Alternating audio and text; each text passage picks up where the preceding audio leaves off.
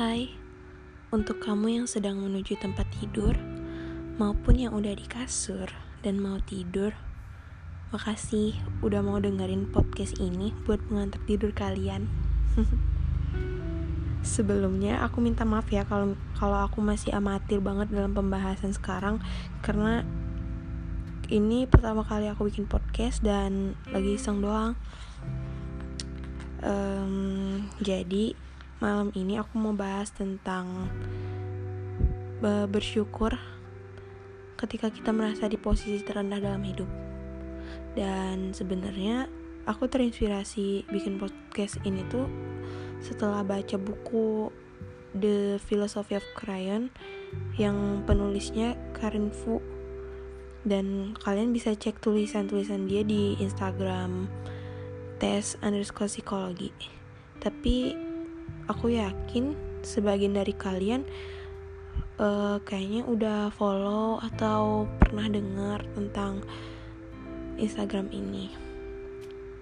Hmm, kayaknya langsung aja ya mulai ke pembahasan podcastnya. Tapi pertama aku mau bacain kutipan kutipan favorit aku dari buku Philosophy of Crayon itu yang berkaitan dengan topik yang mau aku bahas malam ini. Jadi, uh, kutipannya ini. Bersyukur saja jika kamu merasa sedang berada di posisi terendah dalam hidup. Sebab sebentar lagi kamu akan ditinggikan karena sudah tidak ada pilihan jalan menurun lainnya selain memilih jalan yang mendaki. Wah, itu kayak benar-benar ngebangun kalau aku pribadi sih ya setiap aku sedih pasti aku kayak buka buku ini lagi terus baca kutipan itu. Jadi kayak oh iya bener. Jadi kita tuh kayak ngerasa bersyukur kalau misalnya kita sekarang lagi di titik terendah banget. Jadi kita tuh kalau misalnya kita udah di titik terendah gak ada jalan lagi buat kita mer apa uh, makin rendah. Karena satu-satunya jalan tuh ke atas jadi serendah-rendahnya kita harusnya kita bersyukur. Karena semakin dekat sama jatah bahagianya kita. Karena jatah uh, sedihnya kita udah habis. Nah kayak gitu sih. Terus hmm, kita kita tuh nggak bisa menghindar ketika harus merasakan jatuh dan berada di posisi terendah. Mungkin sekarang ada di antara kalian yang sedang mengalaminya. Tapi lagi-lagi yang bisa kita lakuin tuh cuman berpikir positif, tetap berpikir positif.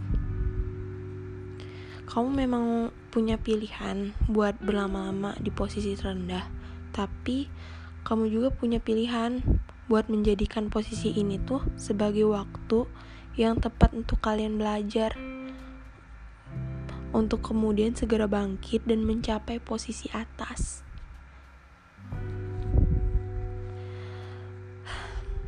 Kamu jauh lebih kuat dari apa yang kamu bayangin. Kamu sebenarnya bisa mencapai semua yang kamu mau. Tuhan tuh gak Tuhan tuh gak pernah batasi manusia buat bermimpi dan mencapainya. Jadi patah semangat tuh bukan pilihan kalian bukan sama sekali. Dan gak masalah untuk berduka cita sementara. Gak masalah buat sedih sementara. Gak masalah buat uh, ngerasa down banget. Gak masalah. Dan kuncinya rasa sakit itu tuh jangan ditolak tapi diterima dan diakui. Aku tahu sih itu berat. Tapi itu worth banget buat kalian. Buat kita semua kalau misalnya dalam posisi down jangan pernah yang namanya nolak perasaan yang kalian lagi alamin sekarang. Jadi sesakit apa pun rasanya sedih entah itu sedih entah itu kecewa atau benci atau apa semua perasaan itu jangan kalian tahan dan kalian tolak. Jadi perasaan itu harus kalian terima biar masuk semua ke dalam diri kalian dan gak ada beban lagi. Jadi kalian gak ada nampung apa-apa gak ada yang tertahan di, di luar. Jadi kalian harus nerima semua perasaan itu masuk. Karena dengan mengakui perasaan-perasaan tersebut pasti kalian bakal lebih lega dan karena berhasil menyadari dan mengakui bahwa diri kita menerima seutuhnya keadaan diri sendiri itu sih. Terus uh, tapi jangan berhenti dan pasrah sama keadaan. Biarpun kalian udah nerima semua perasaan itu masuk kalian jangan pernah sampai berhenti. Terus pasrah dengan keadaan yang kalian terima sekarang.